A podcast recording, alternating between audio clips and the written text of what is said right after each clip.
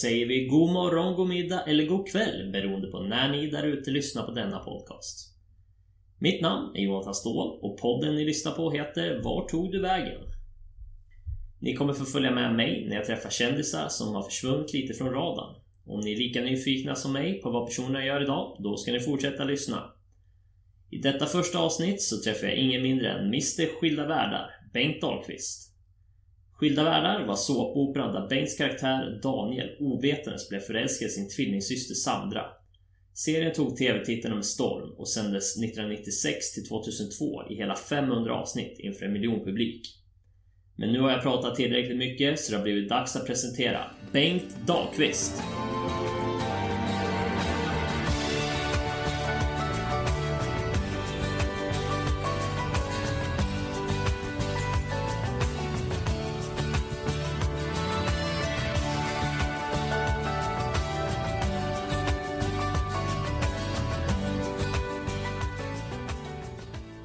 Säger vi välkommen till programmet Bengt Dahlqvist. Hur känns det att vara först ut i den här podden? Ja, men det känns ju, det känns ju roligt. Alltså, jag får ju vara nummer ett. Ja. Eh, vad de andra än gör så är jag ju nummer ett. Exakt. Hur familjär skulle du säga att du är med poddande? Jo, men jag är, alltså, är hyfsat, det har blivit det med, med, med åren, höll jag på att säga. Familjär. Jag tycker det är kul med, med formatet. Mm. Podd. Vad, vad är det som du gillar just med det formatet? Ja, men man får, man får ju lyssna på personen, eh, eller personerna. Och de får ju liksom prata till punkt. Mm. Det, det är ju det som är tjusningen med det. Men som sagt så är jag ju väldigt nyfiken här på vad du gör idag. Innan vi går in på det så tycker jag vi ska prata lite om eh, din bakgrund. Var någonstans växte du upp? Ja, nej, jag växte upp i en liten, liten, liten by. Eh, mellan Västerås och Enköping. Eh, det är en hantverksby som heter Nykvarn. Okej. Och det är inte den som ligger utanför Södertälje. Nej, Det är många som den är säger ännu mindre. Ja, den här är ännu mindre. Ja. Eh, det var väl ungefär tio familjer kanske, inte ens det, som, Okej. som bodde i den här familjen. Så, en, en, en, ganska känd kvarn och en ganska schysst restaurang när jag växte upp. eh, eh, Som, så att folk vet nog, kan veta vad det är för ställe. En stor kvarn med konst, mycket konst där och hantverk och så. Okej, så det ställer du kan rekommendera varmt i alla fall? Ja, jo, men det är väl my- en mysig dagsutflykt, absolut. Jag tror, jag, jag tror inte att restaurangen är öppen Nej. längre. Men det var ett av mina första jobb faktiskt. På. Ja, ja. Men eh, hur skulle du beskriva din uppväxt där? Hur var den? Ja, men jag eh, växte ju upp eh, väldigt eh, mycket kärlek. Alltså jag fick, eh, jag har ju eh, två äldre syskon. En äldre brorsa och en äldre syrra. Jag är ju nästan lite sladdis. Mm. Så jag är den klassiska eh, liksom sladd, sladdungen som, eh, som får mycket kärlek och man, man blir omhändertagen mycket. Så att, eh, Vad skiljer Ja. det i ålder däremellan? Ja, min syster är sju år äldre än mig och min bror är nio år äldre än mig. Okej. Mm. Så att tio ska det egentligen vara ju. Men, men man kände sig som sladdis. Nej men det var eh, Jag var väl däremot väldigt, eh, hade väldigt mycket energi som barn. Så jag var en ganska jobbig unge. men, men, eh, men, eh, och det var ju väldigt eh, jobbigt att inte ha så mycket kompisar när man växte upp. Så eh, det var långt till, till kompisarna. Mm. Men å andra sidan så fick man ju då anpassa sig med de få barnen som fanns. Så att, eh, nej men det var, det var en, Nykvarn har funnits i mitt hjärta länge. Eh, men nu, nu har min kära mor sålt huset sedan några år tillbaka. Så nu, nu, nu är det nu är det liksom bara ett minne. Okej, det blir mer och mer sällan du besöker Ja. platsen med andra ord. Mm. Precis. Men eh, vad jobbade dina föräldrar med? Ja, min mamma hon eh, är barnmorska. Kommer från Norrland från början men eh, flyttade ner när hon skulle bli barnmorska. Och, eh, eh, hon jobbade på Enköpings BB. Eh, Nykvarn ligger precis på gränsen mellan Västmanland och Uppland. Men eh, det ligger mer på Uppland så vi bodde på Upplandssidan. Mm. Och eh, då jobbade min mamma på BB i Enköping. Och hon förlöste ju typ halva min klass Ja. när man gick i skolan. Ja.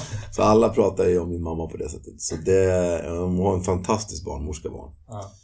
Och min pappa han var målare men han blev yrkesskadad målare. Så att på 60-talet så fanns det väldigt mycket farliga färger i, eh, och lösningsmedel i färgerna. Mm. Eh, så att han blev, eh, han blev riktigt, riktigt illa däran. Mm. Men han skrev böcker om det och eh, fick vara med och, och slåss för att ta bort de här okay. farliga färgerna. Så min pappa är faktiskt en av dem som hjälpte till att få bort de här farliga färgerna från, mm. från marknaden. Sen så jobbar han som skyddsombud, men framförallt som konstnär. Så min pappa är konstnär idag. Mm. Och sen så är vi en musikfamilj, så vi spelar mycket. Mamma spelar dragspel, pappa spelar trummor, brorsan spelar piano, jag spelar gitarr och så. Mm. Syrran sjöng, liksom, så att vi, och vi sjunger allihopa. Så att, så att det... Ja, för jag var lite nyfiken på just det. Eh, vad den kulturella biten kom in då? Ja, ja, ja. Eftersom du hade en målar, målarförälder och ja. barnmorska. Ja, min, min, min mamma hon eh, sätter alltid och spelar på dragspel, gör fortfarande. Mm. eh, och pappa som sagt, han är, var jazztrummis. Han var ute och spelade mycket när jag växte upp. Eh, okay. Var ute och på vägarna runt om i Mälardalen och spelade med Lars Anders Trio, jazzband. Mm. Nej men så vi, jag har vuxit upp, vi hade inte så, vi, det var väldigt liksom med pengar. Vi hade inte så mycket pengar men vi hade, det var mycket det var mycket kärlek och, och väldigt mycket musik när jag växte upp. Mm. Men då intresset för teater, när skulle mm. du säga att det kom? Finns det någon specifik händelse just som... Ja, det gör ju det. Det, det var ju så här att eh, eftersom att jag hade lite för mycket energi Eh, typiskt eh, vad man skulle kalla idag för kanske ADHD-barn. Är du diagnostiserad också? Nej, det är jag inte. Och jag tänker inte göra någon... Jag har sannolikt eh, ADHD. Men, men jag tycker att det är dumt att sätta det epitetet på mig själv. Jag, jag ser mig själv bara att jag har väldigt mycket energi mm. och tycker att det är livet är roligt att ha kunnat kanalisera den energin. Sen behöver inte jag, vet inte jag om jag behöver kalla det för ADHD eller Nej. Jag behöver inte ha den liksom, etiketten på mig själv. Eh, utan fan, det är ju en helt fantastisk förmåga att, att kunna ha så mycket energi. Mm. Och det så känns då, ju som att många vänder till någonting positivt. Eh, ja, Framförallt i mediebranschen kanske. Ja, men precis. Exakt. Uh, och jag är väl som alla klassiska skådespelare Eh, om man ser den, den, den, det, det jobbet som jag har jobbat med. Eh, klassisk skådespelarbakgrund, blev mobbad som barn. Eh, blev mobbad för att jag inte kunde, eh, jag var, ganska, jag var inte dyslektisk men jag var, hade svårt att se ord. Jag var inte fullt dyslektisk men jag hade säkert stavnings och eh, stav och mm, skrivsvårigheter som man skulle kalla det för. Och eh, ville synas och höras hela tiden. Det, och då blir man ju oftast nedtryckt. Så att det, av de som, som också vill synas. Mm. Och barn kan ju vara väldigt eh, hemska. Mm. Så att eh, jag hade det väldigt, väldigt jobbigt under en, en ja, mellanstadiet upp till högstadiet. Uh, och uh, det finns en specifik händelse som gjorde att jag, att jag började med teater. Och det var att vi hade en temadag i sjuan. Mm. Det kom en skådespelare. Och så skulle vi skriva en liten text, en monolog mm. om oss själva. Och jag var alltid varit klassens clown. Det var ju liksom mitt sätt att få bort mobbarna, det var ju få dem att skratta. Mm. Det var liksom min, mitt sätt att, uh, att ta bort dem på. Och då den här monologen så skrev jag den som rolig. Men den avslutades med liksom eh, att jag var mobbad och det, hem, det hemska att jag var liksom eh, på. Då tyckte den här skådespelaren att det här var så bra. Så att eh, han ville att jag skulle spela upp den inför hela skolan. För på kvällen så var det då eh, uppvisning. Då skulle alla visa upp vad de hade gjort. Och en del hade snidat någonting och någon, någon hade lagat mat. Och, och så var det vi då som hade... Och någon hade musiker spelat och så var det vi som var teatergruppen då. Och då eh, så ställde jag mig upp eh, och eh, eh körde den. Eh, och jag, jag heter ju Bengt. Mm. Bengt Albin Gösta. Och det är inte så jävla roligt att växa upp med det namnet. När ingen, ja det heter min morfar. Mm. Det fick jag ju höra liksom. Eh, nej men jag, jag, jag bara känna att ja, men, eh, nu kan jag ju få möjligheten att kanske ge igen lite grann. Mm. Eh, om mina mobbare.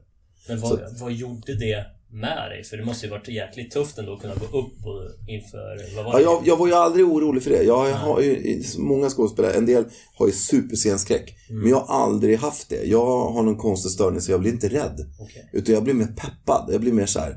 Och det, jag fick det då. Jag fick ju då och så gjorde jag den här monologen. Den var inte så lång, men den handlade lite om mitt namn och sen så avslutade den med att jag liksom kastade ut eh, liksom att jag hatar er och eh, för det ni gör mot mig och så, här. så att mm. Folk skrattade först och sen så vart det liksom satte skatten i halsen kan man säga. Och jag fick sådana applåder. Okay. Där på den scenen där. Ja. Och då fick jag sån jävla kick. Alltså det var ju såklart att, att... Och jag var inte så bra på så mycket så teoretiska ämnen. Mm. Och då kände jag att shit, det här är jag bra på. Så bussen på vägen hem, för jag var bussbarn. Jag bodde mm. på landet och det här var på Västerledsskolan. Så sitter jag i bussen och då då är det typ som en röst som säger till mig. Men det var mitt undermedvetna som sa att du ska bli skådespelare Bengt. Ja, ja vad bra. Då visste jag det. Då var det klart. Då, då hade jag liksom, då, då, då det, hade jag ett mål. Och jag visste liksom, okej, okay, vad, vad, hur, vad ska man göra för att bli skådespelare? Mm. Och sen så efter det så eh, kom jag med i en amatörteatergrupp som heter Kanonteatern. Som var fantastisk, underbar teatergrupp i Enköping. Mm. Som verkligen tog hand om liksom, alla sina medlemmar. Och jag hade så otroligt roligt. Och så hade jag turen att få vara med på en av deras största succéer och det var Klas Klättermus. Och jag spelade, då fick jag rollen ganska tidigt som bagarpojken där. Och den där vart en riktig, riktig succé som vi spelade även i Västerås. Faktiskt. Så då fick jag liksom känna på hur det var att inte bara eh, som många amatörteatergrupper kanske man spelar revyer och sådär. Det gjorde vi också. Men här var det liksom som en det var en blandning mellan professionella skådespelare och, och amatörskådespelare. Med en riktig regissör och fin rekvisita och en bra historia. Och mm. Jag spelade bagarpojken och då sa regissören till mig, ja, bara så att du vet det Bengt, alltså det här är en jobbig roll. För du ska alltså hoppa hela tiden, du är ju kanin liksom. Mm. Och han bara, fan det är helt otroligt. Grabben hoppar för mycket. Hur fan kan han hoppa för mycket? Du får inte hoppa så här mycket. Då var du som klippt och skuren för Ja, jag visste det. det var jag absolut. Så att, eh, där fick jag liksom smak för... På teater var, var liksom det var. Mm. På riktigt liksom. Att stå inför en scen och interagera med andra och, och så. Jag måste bara hoppa tillbaka lite till mobbarna. Eh, efter du gjorde den här, här framträdandet, hur reagerade de på det? Ja, det, var, eh, det var ju eh, väldigt spännande för att precis där i den svängen så fick jag ju, när man, när man är sådär eh, riktigt jävla nedkörd i skorna som barn och så, så, så, så behöver man ju ha vänner som ställer upp för en. Jag hade liksom inga direkta folk som skyddade mig. Mm. Eller kompisar som skyddade mig. Men så lyckades jag träffa eh, Andreas Wahlman coola killen som kom från Stockholm. Ja. Som hade flyttat. Vi träffades liksom bara så här av en händelse. Det var en sån här temadag i Enköping där det var eh, ballonger. Så vi började spela pingis ihop han och jag. Och så fick man så här, du vet, du vet, man känner att man får den bästa polaren. Man, man känner att man hittar till varandra liksom. Han gjorde att jag överlevde.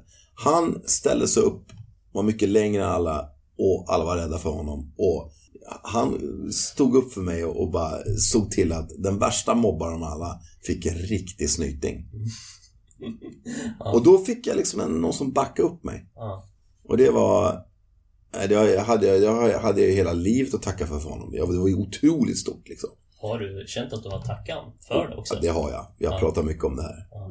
Vi är fortfarande i alla fall vänner. Vi, vi är blodsbröder. Mm. Fortfarande. Ja. Ja, Jag har gett igen den eh, skulden kan man säga. som jag, tack som är skulden. Ja. Så jag, vi, vi finns för varandra, verkligen. Mm. Eh, du var inne på amatörteatern, eh, men jag vet även att du pluggade sen i Uppsala. Mm. Du kan väl berätta lite mer om det? Ja men det var ju enkelt, alltså på, eh, då när jag visste min väg, då var det bara att gå till syokonsulenten Mm. Eh, i åttan bara, jag ska bli skådespelare. Hon bara, nej, det är ingen bra idé. ja, men jag ska bli skådespelare. Ja, men det finns ingen gymnasie i Enköping. Det finns i Uppsala. Men perfekt, då, då söker jag dit då. så, så jag sökte dit, kom in. Eh, så då flyttade jag hemifrån när jag var 16 till Uppsala. Det var ju ett äventyr. Mm. Att få flytta hemifrån när jag var 16. Ja. Kände du att du växte upp snabbare? Ja, det, gjorde, det kände jag absolut eh, att, jag, att jag gjorde till en viss, viss grad då. Jag levde på eh, köttsoppa och våfflor. Så började jag på, på teaterlinjen på Bolandsskolan i Uppsala. Eh, vilket var helt fantastiskt. Alltså vi hade jättebra eh, teaterlärare och, och, man fick ju spela teater hela dagarna. Och men jag var lite speciell för att jag älskade sport också. Jag har alltid sportat. Jag har alltid hållit på med olika sporter. Jag har testat alla sporter, alla bollsporter. Och, och det var ju lite, då var jag lite en udda figur där i teaterklassen med bland alla hennafärgade hår. Och eh, palestinasjalar. Och eh, dikter under badkaret med en flas, flaska rödvin. Eh, så att eh, jag, eh, jag var väl inte riktigt, de, de tyckte att jag skulle liksom anpassa mig lite där i klassen. Så här. Jag bara, men hur ser det ut idag på teatrar? Eh, eller på, i filmer och så här, inte går folk omkring och reciterar Norén. men det blev, det blev inte så. Men det var... Blev det lite, kan man säga att det nästan blev tvärtom? Att då blev du helt plötsligt coola killen? Eller? Nej, jag har aldrig varit coola killen. Eh, det har jag aldrig varit. Utan jag var mer den som... Jag har aldrig försökt att vara cool. Liksom. Det är inte min... Jag var den snälla killen som liksom eh, alltid, eftersom att jag var mobbad, men fick också hjälp av min kära vän Andreas. Då gav jag alltid tillbaka. Jag såg alltid om det är någon som blir ill, behandlad illa. Då försöker jag, försökte alltid stå på den sidan. För jag vet själv hur det var. Men eh, en lite rolig episod när jag gick på Bolansskolan på teaterlinjen. Det var då, eftersom jag sport, mm. så var det uttagning till eh, eh, volleybolllaget. Och eh, då så hade vi uttagning och så kom jag med i skollaget. Så. Och då säger läraren så här, ja, Bengt Dahlqvist har vi här, ja. Ja, du är väl målare? Jag bara, eh, nej. Jaha, du är, för det var den skolan, då var det liksom teater, estetiska linjer, teater och dans och sen så var det eh, sy och musik. Och så. Men så var det också även fordonsteknisk, målare, så här, bygglinjer och så, lite mer praktiska linjer. Ja, du är väl eh, byggnadstekniker? Nej, inte så här, nej. Ja, men vad fan är du då? Och jag bara, ja men jag, är på, jag går på teaterlinjen. Och alla bara, vad i? Vadå? Går du på teater? vad gör du här? Ja, exakt, de, de, de var så här förutfattade meningar och att, som sagt, mm. hade hemmafärgat hår. Men nästa episod i ditt liv, eh, är det Balettakademin i Stockholm? Ja, just det. Bra påläst. Ja, eller hur? Jajamän. Vad kan det... du berätta om det? Jo, nej men det var ju så här att jag eh, i mina, när jag var lite, riktigt eh, på mellanstadiet och, och högstadiet så då blev, hade jag liksom epitetet breakbängan. Okay. För att jag, det var ju när breakdansen kom mm. och slog igenom. Så det tyckte jag var otroligt roligt. Så jag, även fast det var så här, även fast jag var mobbad så kunde ingen mobba mig nu när jag var på ett minidisco eller disco. För där var jag bäst. Där kunde jag liksom dansa. Ja men få tjejer och sådär liksom. Så att jag, jag hade liksom en fristad där. Vilket var helt fantastiskt. Så att dans har jag alltid älskat. Liksom. Och just breakdance var ju så jävla coolt om man snurrar på huvudet och göra liksom masken och, och, och liksom eh, allt allt. Är det någonting du kan fortfarande? Eller? Nej, nu fan, jag är snart 45 liksom. Så att det, men äh, masken skulle jag ja, kanske klara av. Jag vet inte. ja, vi kan köra ja, Ska vi ja. låtsas? Ja, vi får se. Jag vet inte fan om det är en bra idé alltså. Nej men så eh, dans var liksom en väldigt stor del och fortsatte vara hela tiden. Men mest bara på fritiden för att det var kul. Mm. Uh, men sen så när jag började på, på teaterlinjen så får du ju så jäkla mycket snygga tjejer in i danssalen där. Ja. Till skillnad, alltså teatertjejerna också, men det var ju mina klasskompisar. Och sen så var det några tjejer i tvåan. Vi gick ju ettan. Mm. Det var några tjejer i tvåan som jag tyckte var så jävla snygga. Så att eh, jag, jag var ju inne där och liksom visade mina breakdance move. De bara, fan Benke, du, du, du har ju liksom, du har ju talang. Du borde börja dansa på riktigt. Mm. Vi går på en dansskola här i Uppsala på kvällarna som är, som är riktigt, riktigt bra. Det är en, det är en amerikansk dansskollärare som heter Evelyn Moore. Eh, fan, häng med dit så här. Och jag bara, ah, fasen vad roligt. Det är klart jag måste testa det liksom. Vad var det? Så jag hängde på de där tjejerna, mest för att jag var ganska intresserad av en av dem. Mm. och så... Men blev det något sen med nej, nej, det blev inte något med det. Nej, nej men eh, vad heter det? Så, så då eh, fick jag träffa Evelyn Moore på Ekeby dansstudio. Och hon eh, såg väl att jag någonstans kanske var jäkligt, eh, vad heter den, hade mycket energi och liksom såg väl, såg väl någonting i mig där. Så hon tog mig under sina armar. Och då fanns det någonting som hette scholarship. Så att man, om man hade lite dåligt med pengar, vilket jag hade, så, så, så kunde man få, liksom, man betalade liksom en terminsavgift så kunde man gå på alla klasser man ville. Och det passade jag på att göra. Jag tyckte det var... Så jag gick ju på, dan- på teaterskola på dagarna, så gick jag på dansskola på kvällarna. Okej. Jag dansade verkligen fem dagar i veckan. Det var, jag älskade det. Det var liksom det, fantastiskt bra. Då kände jag att där fick jag utlopp också för min liksom, energi. Ja. Och så så då, då när jag då väl eh, hade gått ut gymnasiet så eh, fortsatte jag dansa eh, ett år till och sen så hade jag lite så här ströjobb. För då, på den tiden var det bara tvåårigt estetiskt gymnasium, så tredje året var det inte. Så då sökte jag till scenskolan och till Balettakademin. Jag kom till fjärde provet på scenskolan. Eh, verkligen liksom sista gallringen. Så jag kom inte med på den där listan. Eh, så fick jag prata med en av eh, lärarna. Ja, du behöver ett par år till. Sen så tycker jag att du ska komma tillbaka hit och söka igen. Eh, Men jag kom in på Balettakademin. Så jag tänkte att jag tar dansen först. Flyttade till Stockholm. Tog eh, med mig, jag visste att jag skulle dra till, eh, eh, börja på Balettakademin. Så att jag en lördag morgon efter en blöt kväll ute med polarna i Enköping. Så Ja. bestämde jag mig för att nej, fy fan vad jag är less på den här stan. Ja. Nu, nu packar jag mina grejer och så bara drar jag. Jag visste att jag hade kommit på Lättakademin, Jag visste att jag skulle flytta till Stockholm. Jag visste inte hur allt skulle lösa sig. Det hade jag ingen aning om. Så att jag, jag gjorde ett äventyr av det. Jag tog gitarren på ryggen. Jag hade gitarren med mig. En, en liten väska bara. Så hade jag hört av någon att de sökte folk på Burger King på Stureplan. Så gick jag in där och sa Tja! Jag kommer från landet. Jag undrar, eh, ja, söker ni folk här? De bara vad är det här för jävla... ja, eh, okej. Ja, men ja, vi faktiskt, vi söker folk så här. Eh, kan du börja jobba på en gång? Ja, ja, för fan. Absolut. Så, så, Ja. så jag la ifrån gitarren och, och eh, vet du, den väskan där. Och så fick jag börja ställa mig på Burger King och lassa in hamburgare i grillen. Jag hade, jag hade lite referenser för i byn där jag växte upp, som heter Nykvarnshamn, där fanns det en restaurang. Ända som barn har jag alltid fått inpräntat att du måste jobba. För att får du inte jobb, då, då, är- då är det kört. Eh, jag började som diskare på, på den restaurangen som heter Lyckliga Grisen. Jag gick in och sa tja, jag vill bli servitör. Ja. och då eh, sa Herman Lange, en riktigt penalistisk eh, tysk, som eh, ägde den där krogen. Ja, du får bli eh, en diskare först. Och, eh, och så jobba som diskare först ett tag. Han bara, ja, du kan menyn utan till då får du gå bakom mig. Och jag vart ju superutnyttjad. Han, jag fick ju bara, eh, jag gick bakom det. Han bara, ja, när du kan ta ordern och allting, då får du dricks. Jag fick ingen lön.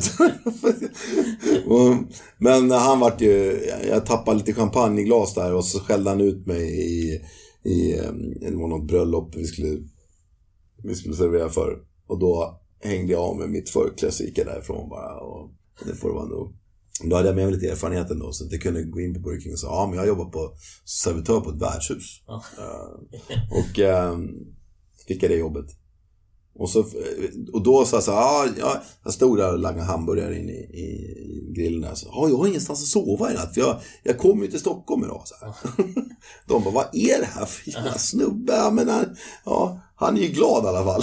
så, så att eh, de... eh, Har du alltid Ja. varit så pass impulsiv?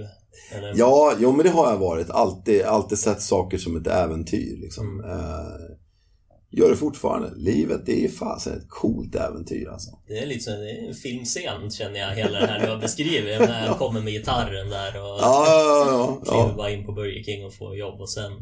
Det där är början någonstans. Ja, jo, men det var ju där. Ja, kanske. kanske. Alltså, så fick, då, och då var det någon, i, en chef där som... Ja, men fan, jag har en, eh, en mo- morsa som söker någon som, som hon har ett rum i Upplands Väsby. Ja, kanon, så fick jag, fick jag ett rum i Upplands Väsby. Och den mamman, hon hittade ett tidningsutklipp att de sökte skådespelare till tv-serie.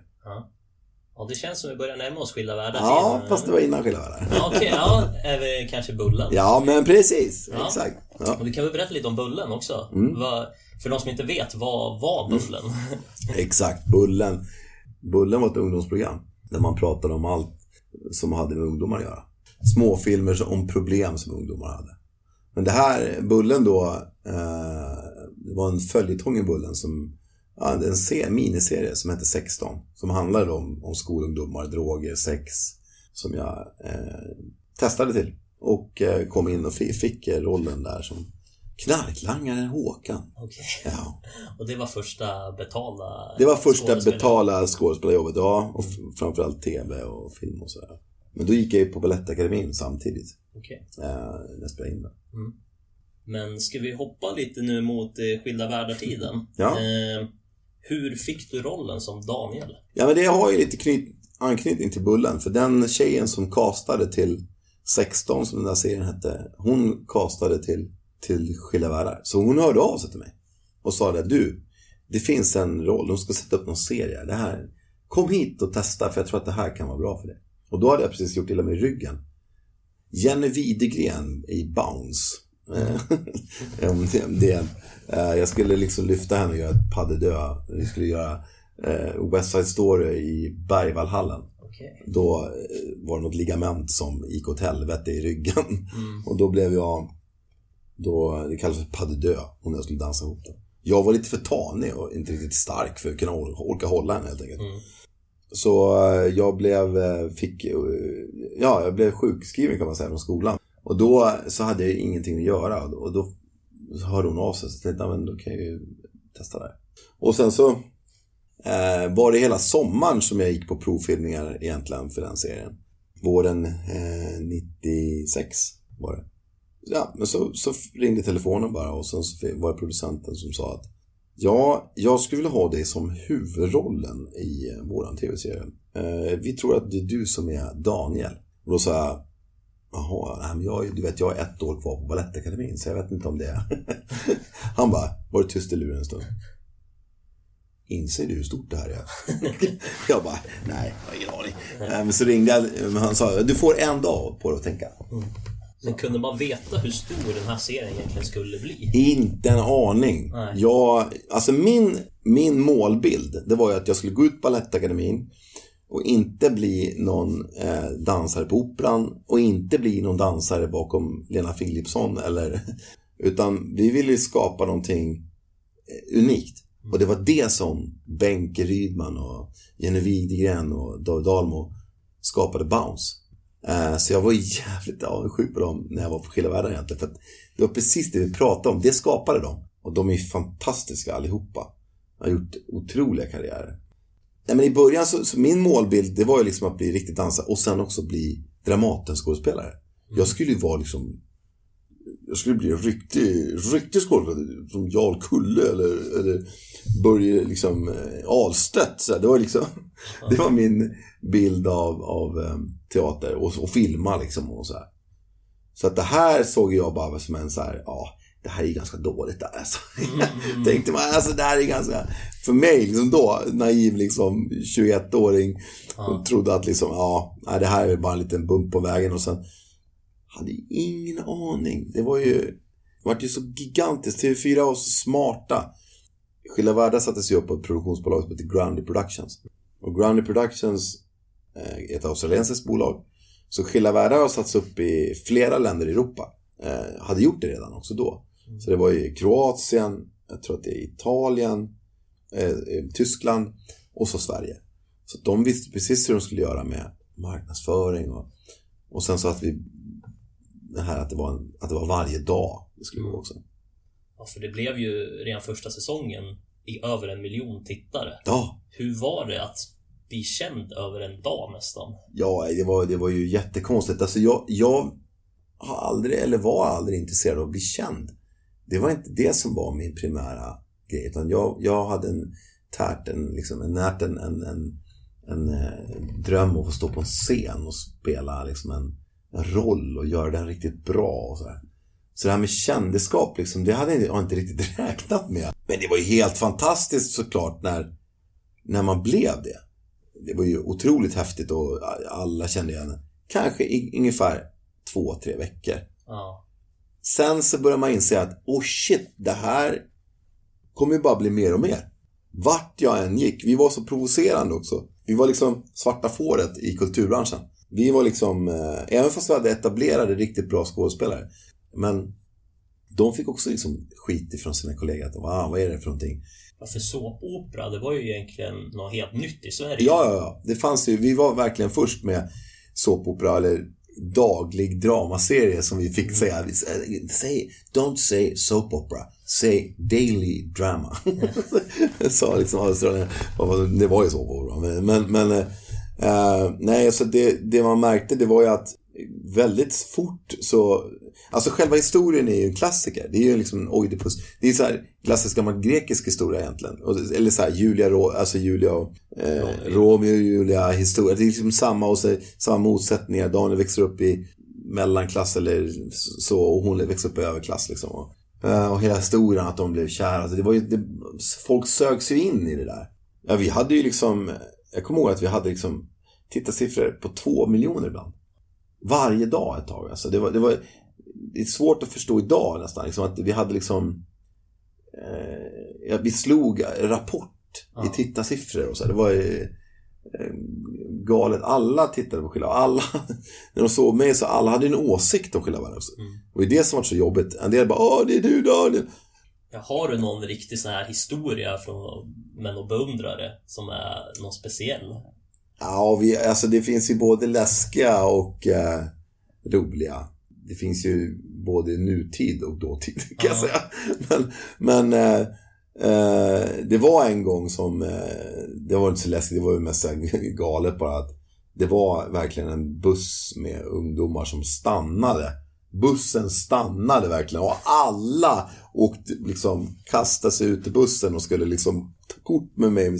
Och då, då fanns det inga telefon, mobiltelefoner utan då var det ju liksom, um, Det var ju lite, men sen så hade jag en stalker också. Och det, okay.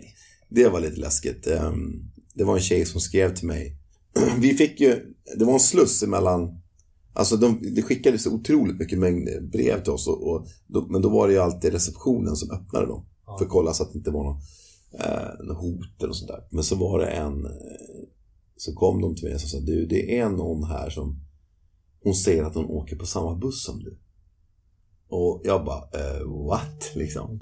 Eh, vi, åkte, vi, vi, hade ju jobb uppe i, eh, vi jobbade i, på Kvarnholmen i, här i Stockholm. Då åkte jag buss, jag tror det var 53an, som jag åkte från Slussen då. Eh, jag tänkte väl inte mer på det där så mycket, men så, när jag sätter mig på bussen en dag så ser jag att någon sitter och stirrar på mig så här, precis vid platsen bredvid. Och jag bara, oh shit, så här. Och, hon, och hon bara, har du fått mina brev? Oh, shit. Eh, jag bara, eh, jag vet inte, vad heter du? Så här, eh, ja, va, ja, ja. Och så sa hon ju då att eh, jag, jag, måste, jag, måste, jag måste få vara med dig. Liksom. Och, och, och, jag, och jag bara, ja. Och jag, eh, har, har, har, du verkligen inte fått mina brev? Jag bara, men det är så här att vi får inte alla brev på en gång utan det är receptionen som läser igenom breven först. Så att jag vet inte om jag har fått dina brev. Mm. så, och då kanske det upp, förstod hon att ah, det är andra som läser breven innan han får dem. Men hur slutade det hela då? Nej men det slutade, det slutade eh, lyckligt. Jag sa så här, men vet du vad? Vill du ha en autograf? För, och så, så skrev jag en autograf. Eh, och hon, och ja, ja, liksom så här. Eh, och sen så, sen så skickade hon skickade någonting mer. Men då fick inte hon svar. Så då, så då det, det räckte väl antagligen. Men det var jäkligt läskigt när jag inte visste vem det var på bussen och liksom eh, när det var någon som, och så, jag har koll på dig. Så, det så här, uff. Men här, hade du träffat din fru ja. i det här tillfället? Hur det påverkade det henne? Ja, det påverkade ju henne otroligt mycket såklart eh, också. Det var ju det var ju inte lätt att vara ihop med en sån pass eh, känd person. Nette min fantastiska fru, hon, hon var ju, hon älskade ju mig. Mm. Bengt. Hon sket ju fullständigt i Daniel. Liksom. Ja. Det var ju inte Daniel hon blev ihop med, utan det var ju Bengt. Liksom. Nej, men det kunde bli vissa... Eh, hon kunde ställa upp för mig. Men lägg av nu, vi har ju. Så här. Jag var med så här, ja vad fan, vi kan ge... Ge dem att, nej, nu sitter vi här, du och jag ska vara i fred. Så, ja. så hon, hon var jäkligt bra. Hon liksom, mm. såg till att jag fick vara i fred ibland. Mm. Men vi var också inne lite på det här med inspelningstakten. För ni hade ju, det kom ut ett avsnitt i stort sett varje dag, bara ja. inte helgerna. 23 minuter klar film spelar vi in varje dag. Ja. Kan du ta oss igenom hur en dag kunde se ut? Ja, jo nej men eh, Vi var i början, det är ju skillnad från i början och slutet såklart. Men i början då när, när inte någon visste riktigt hur det här skulle gå till.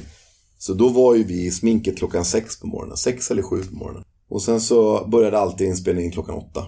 Och sen så eh, hade vi en dialog coach som det hette. hjälpte oss med manus. Alltså helt enkelt sitta och repetera manus med. Eh, för jag och Lina, Player, alltså hon som blev Sandra, hon, vi hade ju så otroligt mycket publi- eh, repliker i början. Det hade vi alla, men vi hade ju mest liksom. Så att vi, vi satt ju och repade mycket text. Liksom. Och sen så gick man in i inspelningsstudion. Och det, antingen, det var uppdelat på två sätt. Vi jobbade alltid parallellt med två stycken regissörer. Och den ena regissören var utomhus. Utomhusscenerna gjordes alltid först, första veckan. Och sen så gick den regissören in vecka två och gjorde inomhusscenerna. Så jag jobbade parallellt antingen liksom bakåt historien eller framåt historien. Mm. Så det gäller att hålla koll på liksom, vad, vad var man i historien nu. Mm. Och sen så hade vi en stor, eh, det var som ett stort industrihus. Där alla interiörer, alltså Toivonen och Blåvalvet och eh, eh, Toivonen och eh, Bovallius. Och, just det. Alla de här scenerna och lägenheterna och det var ju uppbyggt som miniatyrer kan man säga. Mm. Och sen så, sen var det bara att köra. Det var ju lite som en tv-inspelning kan man säga nästan. Alltså, det var ju tv. Nej, men det var inte så mycket filmkänsla. Utan var, när man var utomhus då var det mycket filmkänsla. Då var det liksom en, en kamera som man fick flytta och sådär. Men inne, inne, då var det ju som en, en tv. Mer för många kameror, mm. kameramän som, som man snabbt skulle kunna klippa ihop det direkt. Klipp, man klippte liksom live. Men hur, hur långt fram i historien visste ni som skådespelare? Två veckor. Okay. Mm. Alltså, två, alltså två block som man kallar det för då. Mm. Uh, så vi fick manus men man kunde liksom, han aldrig, det var ingen idé att läsa igenom allting. Sen så fanns det storyboards och storylines, vad som hände med karaktärerna. Mm. Så man kunde se liksom översgripande. Men man fick ju ta en dag i taget. Jag hade en, en, en, en limit på att få in 35 sidor i huvudet. Ja. och då hade jag en freestyle som jag spelade in och så fick jag otroligt mycket hjälp av Nette också, min fru, som satt och hon stackare fick nöta väldigt. Hon fick vara alla karaktärer. så jag, eh, men eh, så brukade jag spela in eh, alla repliker på den här. Eh, och sen så kunde jag liksom stoppa. Så lyssnade jag. Så, så lärde jag mig repliker på bästa sätt. Mm. Men när ni spelade in, var det även att ni hoppade framåt i historien för att ni skulle vara på samma ställe? Eller? Mm. Absolut, så var det. Ja. Det, var, det var ju liksom olika... Eh, så I början så hade de inte tänkt på det där i planeringen så att då skulle jag grina och vara helt förtvivlad i, i liksom ena scenen. Ja. Så andra scenen skulle jag vara superglad. Ja. Och så tillbaks till att grina och vara helt förstörd. Så jag bara, förstår du, känslomässigt helt slut den dagen. Ja. Så du svarade, kan vi ta de grin, grina-scenerna tillsammans och de happy-scenerna tillsammans? För man fixar ju inte det som skådespelare. Ni, ni som skådespelare också, ni måste ju ha levt varandra, med varandra väldigt... Absolut. Och hur pass nära kom ni varandra? Jo men vi, vi kom varandra otroligt nära. Det blev ju, vi hade också man får komma ihåg att Skilda Världar var ganska bespottat. Det var många som inte trodde på Skilda Världar.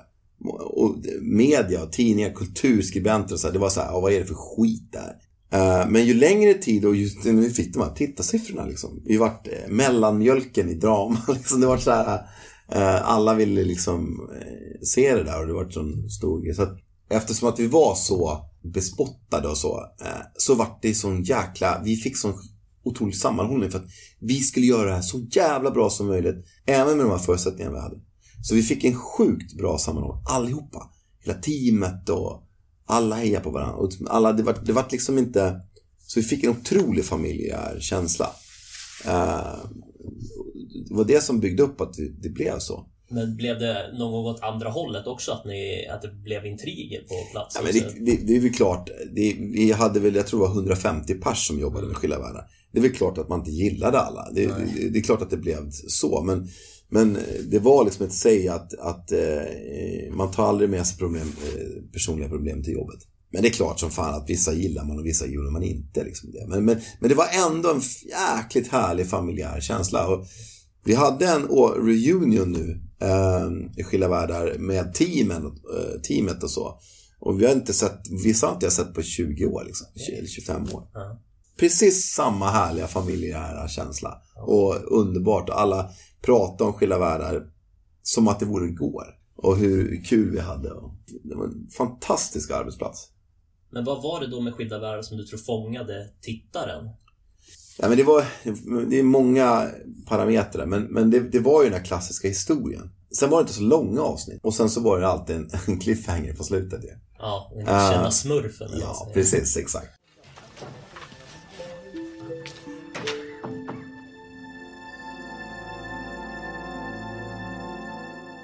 Det var ju den här förbjudna att, att äh, ska Daniel och Sandra, de syskon och de, och de, liksom, de blir kära i varandra. Det var ju, det var ju det, var en bra, det är en bra historiegrund och att vi kommer från två olika klasskillnader. Och så. Jag tror det var det. Att eh, det var en riktigt bra story.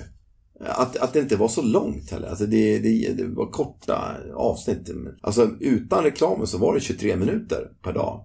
För det var ju reklamfinansierat så det var ju liksom en reklam emellan. Så det var nog det tror jag. Mm. Kan du se några likheter mellan dig och Daniel? Ja, men det är klart att jag kunde göra det. Jag hämtade ju otroligt mycket från mig själv. För jag var 21 år gammal. Så det var inte direkt så. Men, men alltså valen han gjorde var ju inte mina. Nej, nej. Men det fick man ju mycket skit för såklart. Att man hade... Ja, fan, han var ju liksom, han var ju smått psykopatisk. Han låg ju för fan med alla, Daniel. Och blev ihop med alla. Och, alltså, ja, liksom, och han lärde sig aldrig av sina misstag. Liksom. Äh, fan. Och jag fick till och med säga det till manusförfattaren. Men alltså, han har ju gjort exakt det här förra säsongen. Ja. Jag var ju den som hade mest koll på Daniel, för jag spelade honom. Han har ju för fan liksom varit otrogen eller vad nu han har gjort. Och slagits med Han borde ju ha lärt sig någonting av det. Liksom så mm.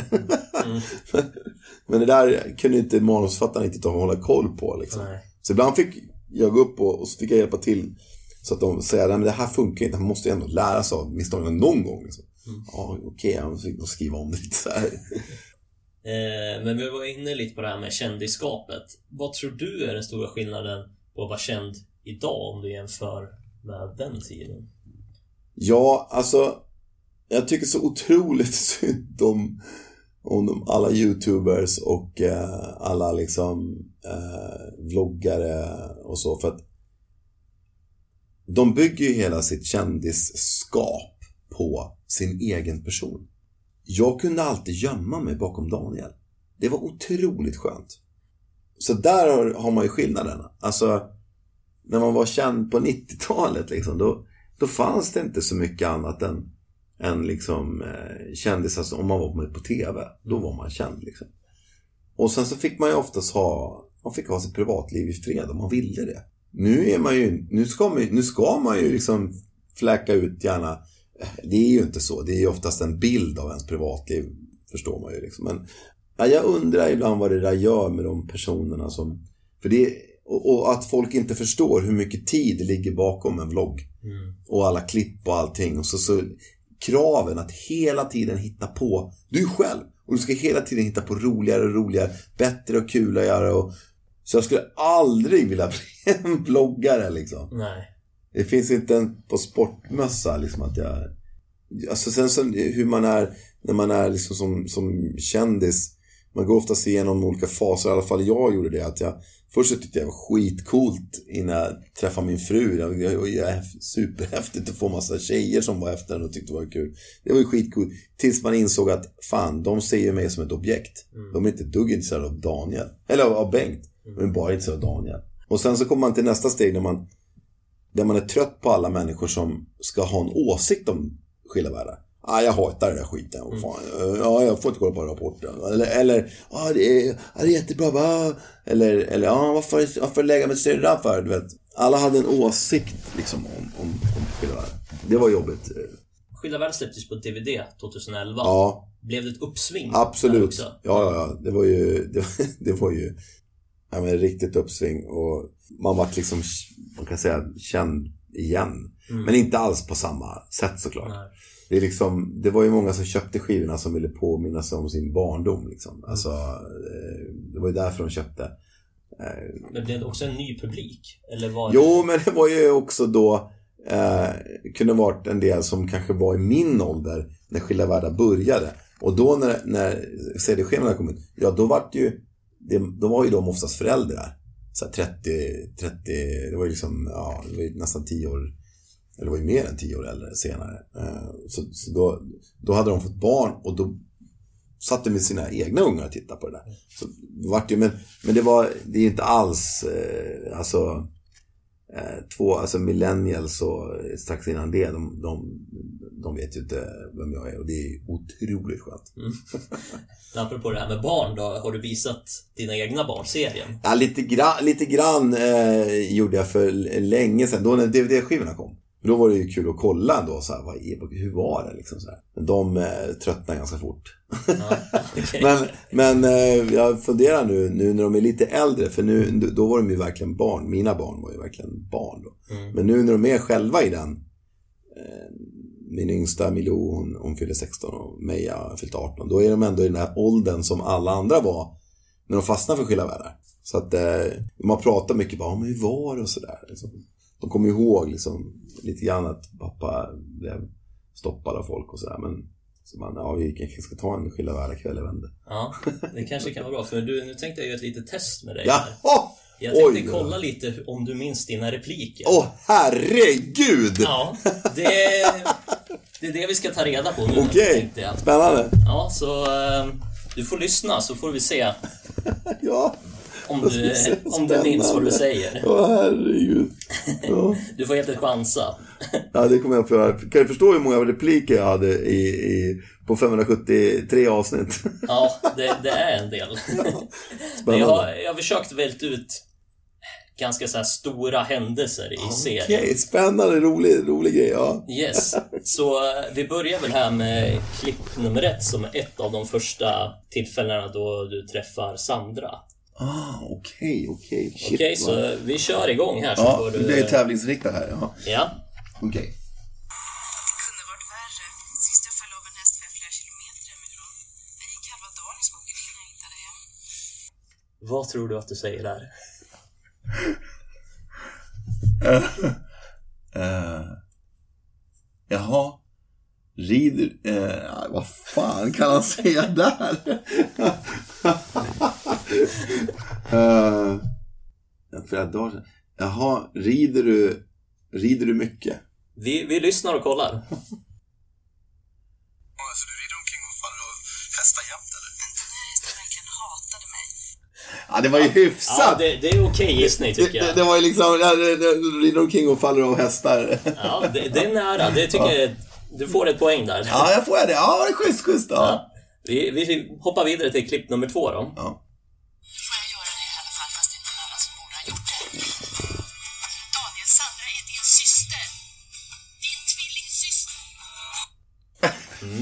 Ju en stor händelse i Det här var ju-. Största händelsen. Eh, jag tror inte jag säger någonting. Alltså i den, i det, där, Mm. då säger jag ingenting. Eller jag säger bara, va? Mm, ska vi ta och lyssna? Jag Va? kan säga att Va? här... Nej. Eller något sånt där. Eh, något sånt där. Va? Nej. Mm. Kanske. Ja, där, här var det faktiskt en så här cliffhanger, så här var ett avsnitt slut. Mm. Men jag har tagit fortsättning på avsnittet efter. Ja, för det där är får klart, man det är klart. responsen. Ja, ja, ja. Menar du all? Eh, eller nej, jag, fan, nej, det här kommer jag inte ihåg. Nej, nej. nej eller något sånt, va? Vi Nej. lyssnar och ser då. Jag tror inte på dig. eller något sånt där. Ja, nu, nu börjar vi närma oss här.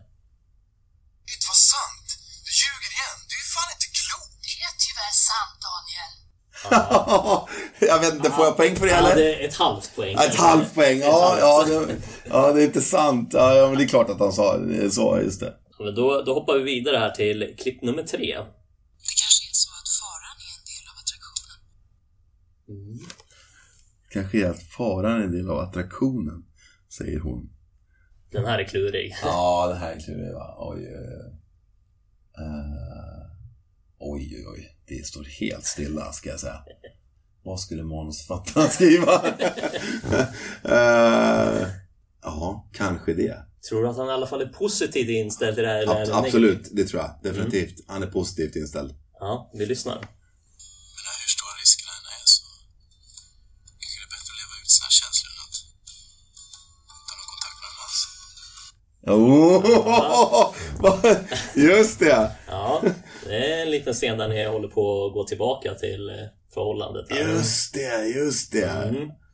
Så ja, det kanske inte var helt... Nej, Ja, nej. men det, han var positivt inställd alla var positiv inställd, men ja, för det där ska jag inte få något poäng tycker jag. Nej. Nej, nej. Men jag har nog minne av att Just det, de liksom kom tillbaka. Ja, ja, som sagt, jag har inte sett det här på nej, 20 år. Vi hoppar till sista klippet där och då är det egentligen din uppgörelse med Tom, eller man kan säga att er försoning. Jaha, i slutet alltså? Det är i slutet. Ah. Då lyssnar vi. Jag har aldrig haft en bror.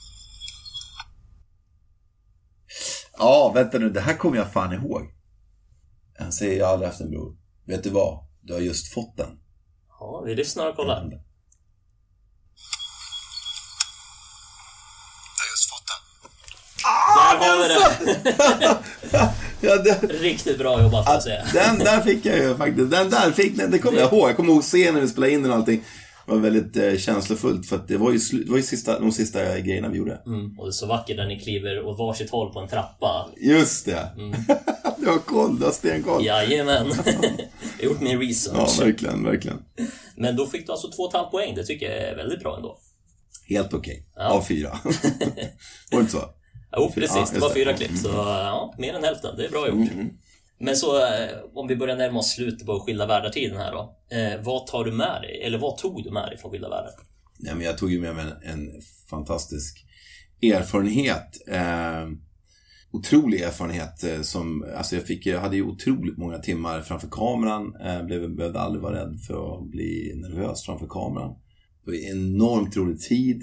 Jag tog med mig ganska mycket nervositet också för att eh, många av mina äldre skådespelarkollegor under den här tiden vi jobbade så sa de att det här är helt fantastiskt. Det här är det bästa jobb jag någonsin har haft. Bara för att när man jobbar som skådespelare då jobbar man så, så korta projekt. Och så ska man liksom skaffa en ny familj kan man säga. Och så, så, så är det slut och sen så ska man då slåss om, slåss om rollerna efter den eh, perioden. Och så ska man liksom på nästa familj eh, liksom försöka skaffa sig en. Och eh, jag blev ju lite så här och de sa att här, här har de haft liksom samma slags uppsättning ungefär under fyra år. Och det är väldigt ovanligt som skådespelare för att ha det. Ha den liksom familjekänslan. Och det var mitt första jobb. Ja. Och jag skulle ut. Och alla sa det här är det bästa jobb jag haft på 40 år. Liksom, sa de äldre skådespelarna. Så det var lite jobbigt faktiskt. Alltså jag kände bara, wow. Okej, vad kommer det här, vad kommer hända? Börja med det bästa liksom. Det kanske inte heller ja, man men, vill göra. Nej men precis, exakt va. Men eh, öppnade rollen som Daniel dörren till något annat? Ja, Jag fick ju lite teaterjobb och sådär. Eh, Jag spelade ju i Riff i West Side Story, eh, musikal här nere på Oscars. Eh, Fick lite roller på teater och så här, men däremot så film och, och TV var ju helt körd. Där fick jag, det var ju omöjligt för mig. Jag gick ju på, jag gick på väldigt mycket så här auditions. Det stod alltid mellan mig och någon annan. Och så bara castingmänniskorna, de bara, ja bra Daniel. Nej, du heter ju Bengt. Fan vad konstigt att du heter Bengt. Alltså, är inte det... fick man tillbaka det där igen liksom. Så att jag... ja, Det, vart, ehm, eh, det var en jobbperiod eh, direkt efter Skilda Världar när jag verkligen inte fick någon jobb. Liksom. Samtidigt så hade, har jag alltid varit så full av fantasi och intresse. Jag har varit så nyfiken att göra så mycket andra grejer. Så jag tänkte att ah, jag tar väl det där, det där sen då. Och så fick jag barn. Och jag kände att jag hade sett så många skådespelare kollegor då i branschen, kanske inte i Skilda Världar, men på, i andra branscher. Och liksom hur mycket män var ensamma.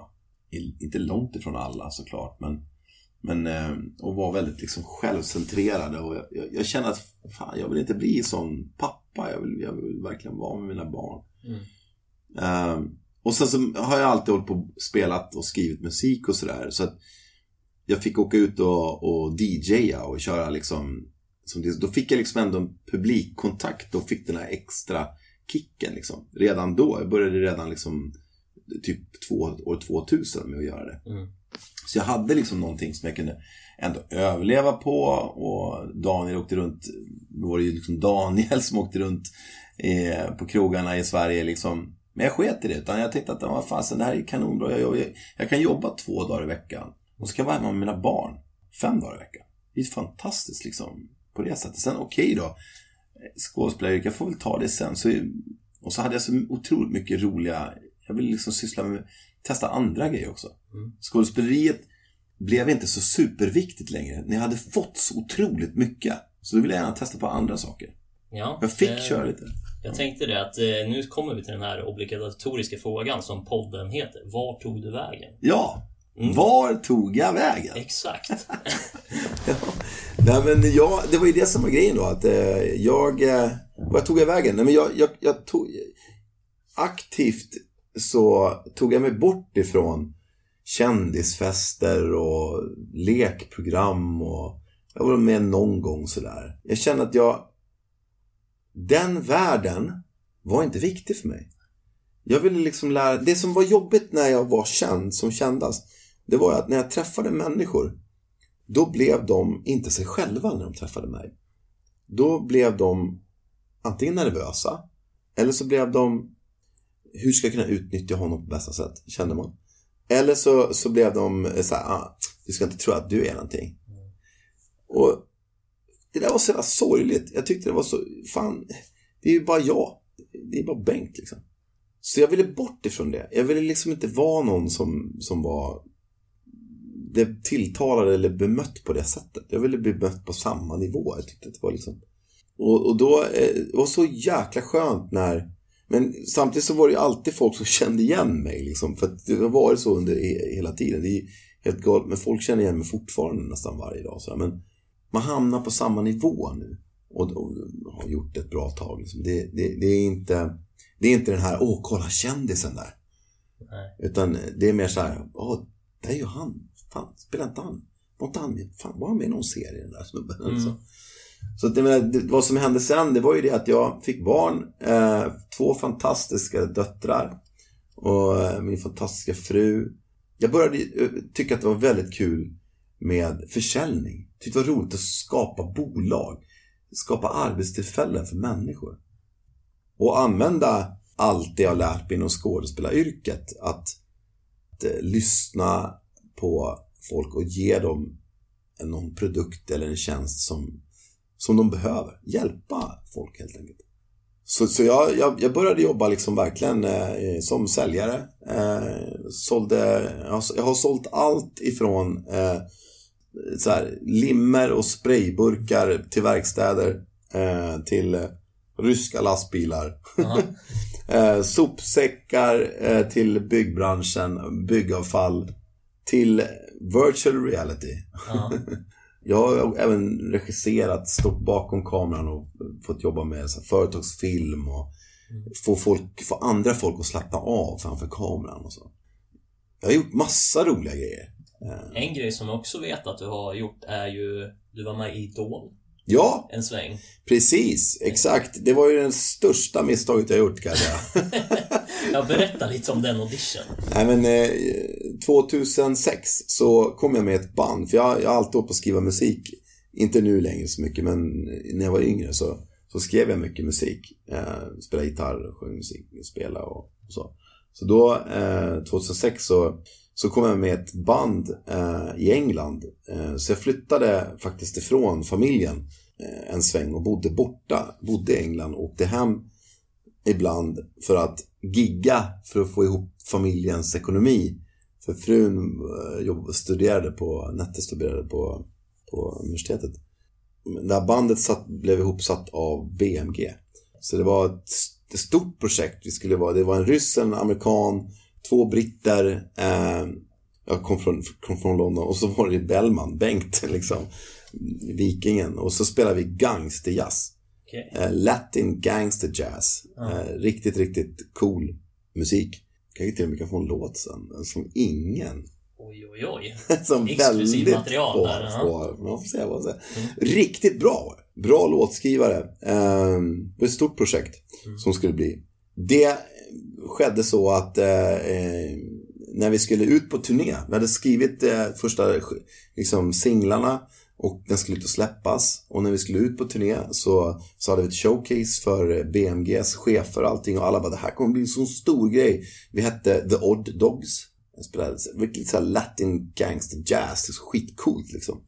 Eh, då eh, vart det helt tyst. Vi skulle åka hem eh, över jul. Var det helt tyst. Ingenting hände. Vi fick inte ta på det. var en manager som satte ihop oss. Riktig idiot. Men han, han satte ihop oss i alla fall. Ja. Tillsammans med den här låtskrivaren som var skitbra. Duktig låtskrivare innan.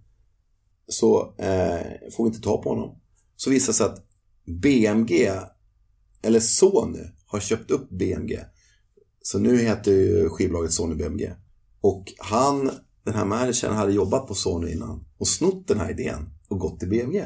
Så det första de steker är ju hans projekt. Ja, det är klart. Så från att jag trodde att jag skulle på världsturné, Mm. vart det inget. Shit. Ja. Men jag var otroligt glad för det var samma sak där. Jag började må skit. Jag ville göra det, var liksom en lifetime opportunity. Och nätte min fru och sa det är klart du ska göra det här. Vi, löser, vi, får lösa det på något sätt. Det här liksom, hon släppte iväg mig. Det var helt fantastiskt stort. Men det var fruktansvärt jobbigt att åka från barnen varje liksom, helg. Då när jag kom tillbaka och det inte blev något, då bara åh, ja men vilken jävla tur. Jag hade varit ute på, om det här hade blivit så stort som de hade tänkt.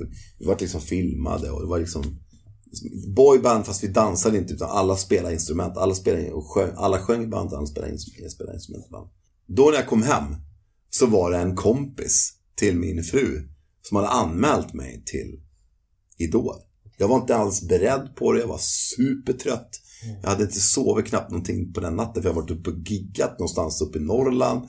Så hon, de bara, ah, nu, nu, du måste åka till Globen. För det, det, det, det, du, ska dit, du ska dit på Idol edition. Jag bara, va? Ska jag? Ja, är det bra liksom? Ja, men det är klart jag ska göra det. Och så som man var då lite så här, man var lite besviken över att det inte hade hänt någonting i London och England och det där. Att det inte blev någonting. Så jag tänkte, ja, men ja, varför inte?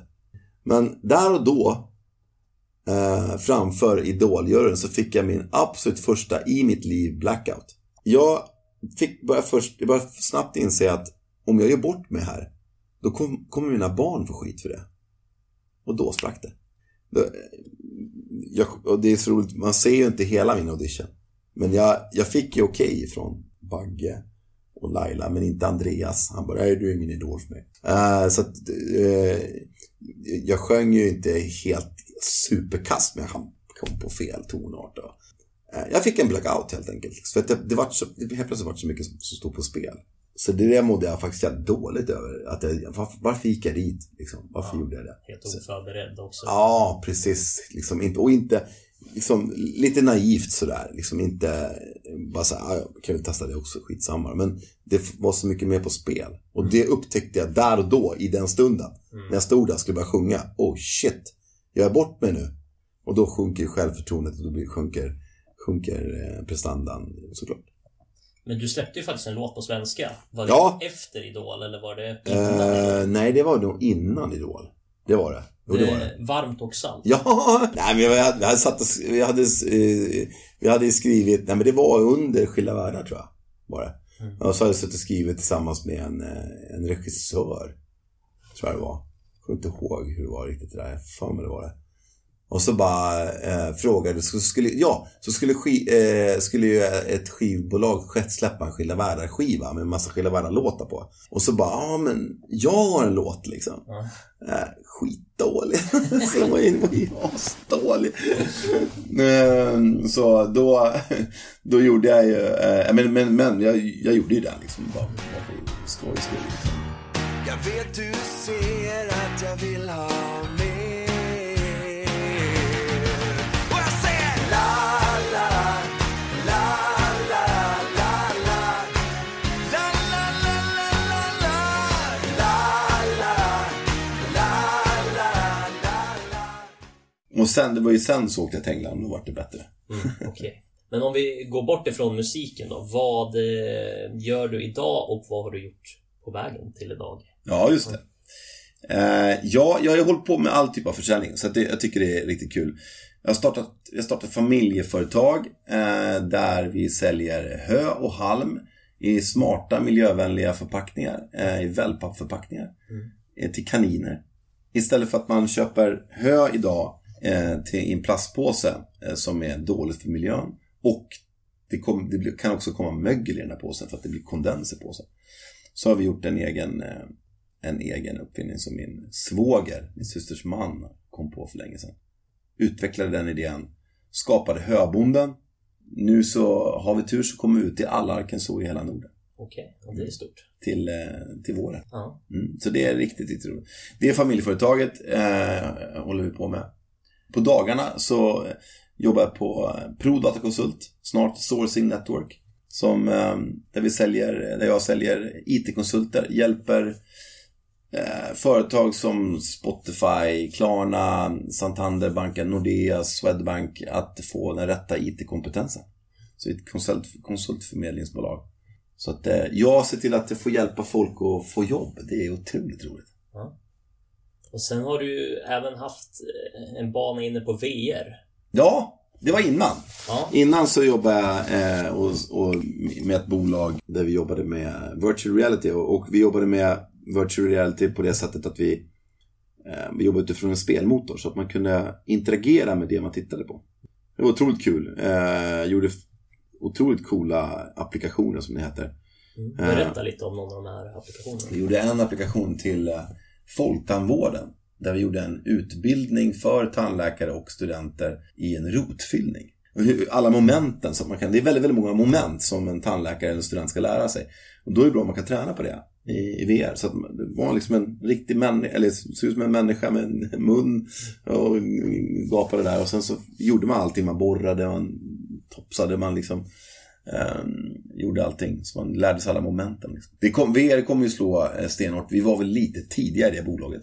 Man måste sälja in varenda projekt, för folk har aldrig upplevt VR. Jag tror många just förknippar kanske med bara tv-spel. Men det Exakt. känns som det är så mycket mer. Utbildning och så, det kommer vara, det, det är otroligt stort alltså. Jag vet inte om man har läst eller sett filmen Ready Player One. Exakt. Så Ja. där är det ju egentligen allting Ja, VR. ja. Och det är ju det som, det, det, det är ju dystopin man kan komma till. Men, men, men det, det är absolut, det finns ju idag VR-bolag som jobbar med att med äldrevården, att de får besöka gamla platser som de var på tidigare. Och de kan sitta ner och besöka de här platserna. Det är ju helt fantastiskt egentligen. Jag tror VR kommer att slå eh, enormt. Också AR, augmented reality, kommer att slå eh, först tror jag. Det känns som att du har eh, varit och jobbat inom ett stort yrkesspektrum får man säga. Tycker du om att ha många bollar i luften samtidigt? Älskar ju det. Men då kommer ju följdfrågan också, vad gör du för att varva ner? Ja, det är ju spännande.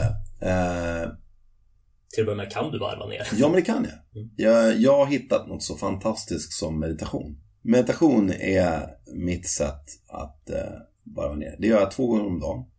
Eh, en gång på morgonen, 20 minuter, och en gång på eftermiddagen, kvällen, eh, 20 minuter. Och det är eh, mitt sätt att slippa den där klumpen i magen på morgonen eller på kvällen. Och eh, sortera tankarna och vila hjärnan. Det, jag kan varmt rekommendera till alla där ute. det är meditation, det, är, det har förändrat mitt liv. Jag, kommer, jag är totalt fast på det. Jag kommer att meditera hela mitt liv. För det, det skapar så otroliga... Man blir kre... Jag, i alla fall jag, eh, får tillbaka kreativiteten. Så meditation, träning också såklart. Nu har det varit dåligt med det ett tag, för nu har det varit lite för mycket. För jag, jag giggar ju på helgerna. Eh, åker runt och spelar som singing DJ fortfarande, vilket är riktigt roligt. Men jag, jag håller på att dra ner på det en del för att jag behöver vara med min, med min familj och mina, mina kompisar, mina barn också. Det, meditation är faktiskt helt fantastiskt. Yes. Eh, men utifrån det vi har pratat om nu idag så har jag faktiskt gjort en liten frågelek här. Jaha, Eh, du kommer helt enkelt få två alternativ och där vill jag att du ska välja ett av dem och förklara varför du har valt det. okej. Så är du beredd? Jag är beredd. Då kör vi den första här då. Då är det skilda världar versus en enad värld. Ingen snack. En enad värld. Ja, vi, vi går ut lätt. Ja, ja, jag förstår det. Ja, det är lite ja, kul. Ja, Mm. Moralfråga här. Ja, och nummer två då. Virtual reality versus IRL. Ja, det är ju, det är ju IRL såklart. Men virtual reality kan ju vara lite som ett knark också. Alltså det vill säga, du kan få såna sjuka jävla kickar. Men IRL slår ju allt. Eh, Om du bara gör på rätt sätt så får du ju de största, största kickarna där. Helt klart. Yes. Eh, nummer tre då. Hemmakväll eller DJ-kväll? Hemmakväll. Mm. Absolut. DJ-kväll har jag haft så otroligt många. Hemmakvällar har jag väl haft eh, också, men på tok för lite. Så att jag behöver mera hemmakvällar. Mm. Har jag bestämt mig för att jag ska ha det här 2020 också. Nummer fyra då. Varmt eller salt? ja, det är bra! Det är bra! Eh, eh, ja, man får ju stå för sina gamla misstag. Det är bara så. Eh, varmt eller salt? Fan, det är ju det som är grejen. Att jag gillar ju både varmt och salt. Men... Eh, eh, nej, det är varmt. Det. Salt, salt är ju det är ju inte bra för kroppen för mycket salt. Nej. Varmt, det, är- det är ändå skönt liksom. Så varmt där helt Ja. enkelt. Då tar vi den sista här då. Pars eller rakat? ja, ja, det är bra. Eh, nej, men eftersom att jag haft pars då. Mm. Och jag har aldrig haft rakat, så får det bli rakat. Raka, ja, då kanske det blir det i år då. 2020-året. Man vet aldrig, vi- får se. Jag har aldrig rakat skallen faktiskt. Det, det, har jag aldrig gjort.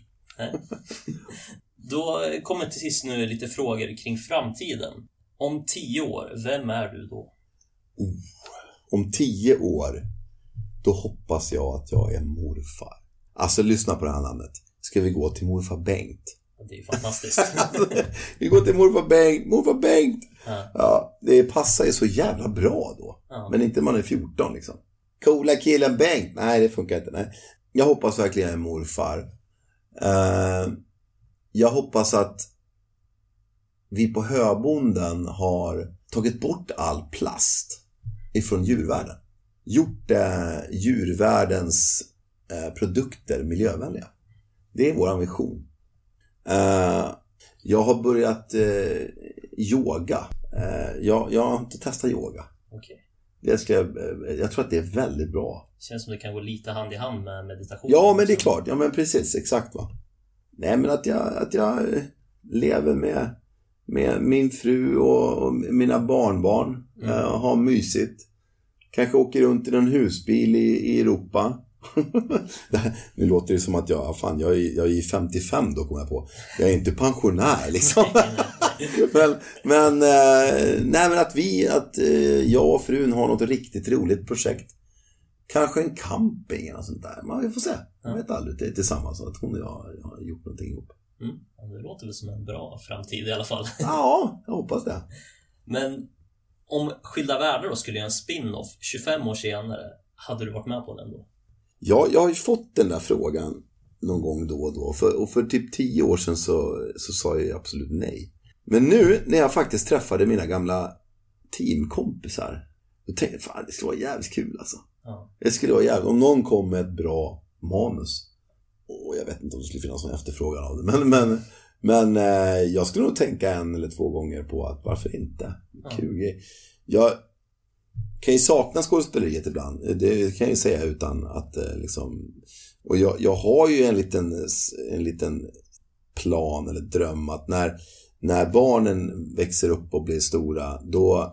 Jag skulle inte tacka nej till att börja spela papparoller eller eh, göra lite sånt också så småningom. Mm. Nu tycker jag att det här jobbet är fantastiskt roligt men man vet aldrig vad som döljer sig bakom, bakom dörren, liksom, bakom andra knuten. Och, och jag, jag, eh, jag samlat på mig mycket livserfarenhet nu så att jag tror att jag är en mycket bättre skådespelare idag än vad jag var då.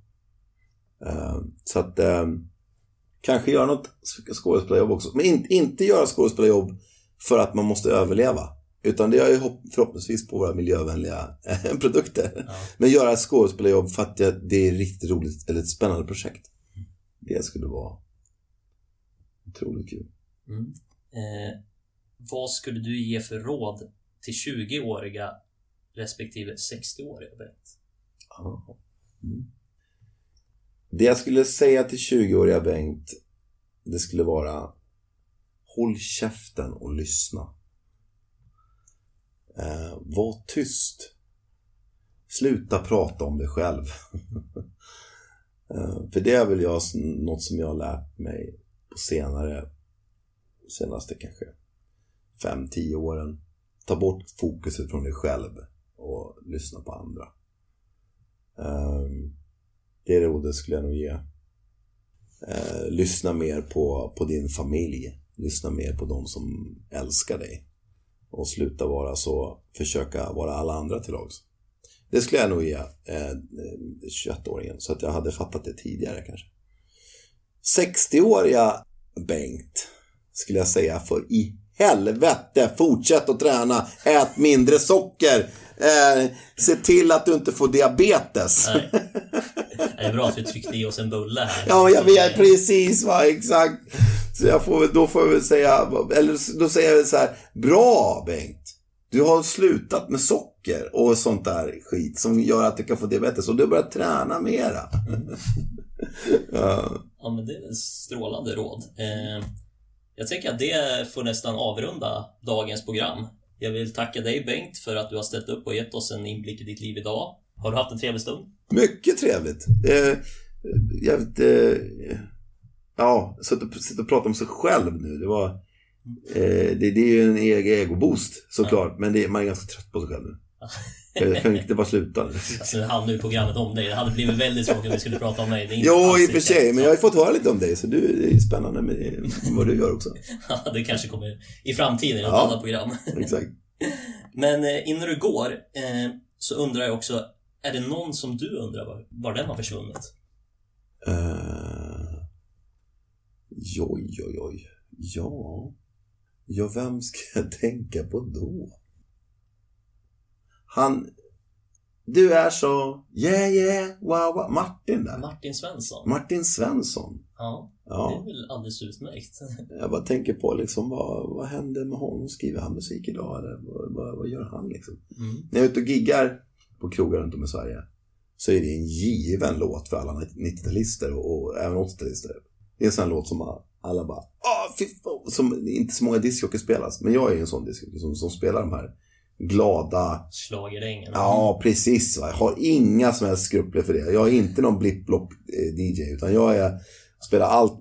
Man ska ha kul på krog, man ska ha roligt. Det är det som är kul. Det är jag. Men så, ja Martin där då.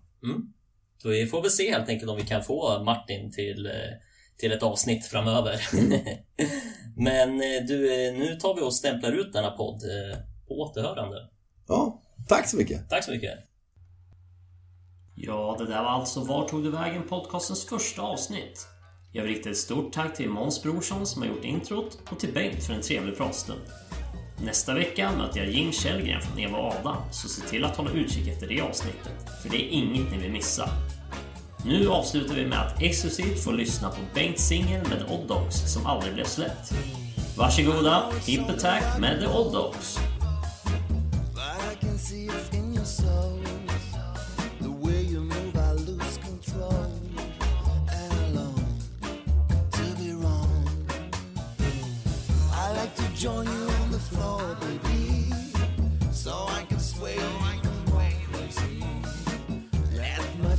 Do it all. Get it on, get it on.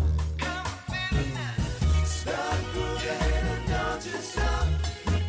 I'm gonna give everything I've got. Break your legs and crack your back. I'm gonna you. The bass is pumping bittersweet. So take my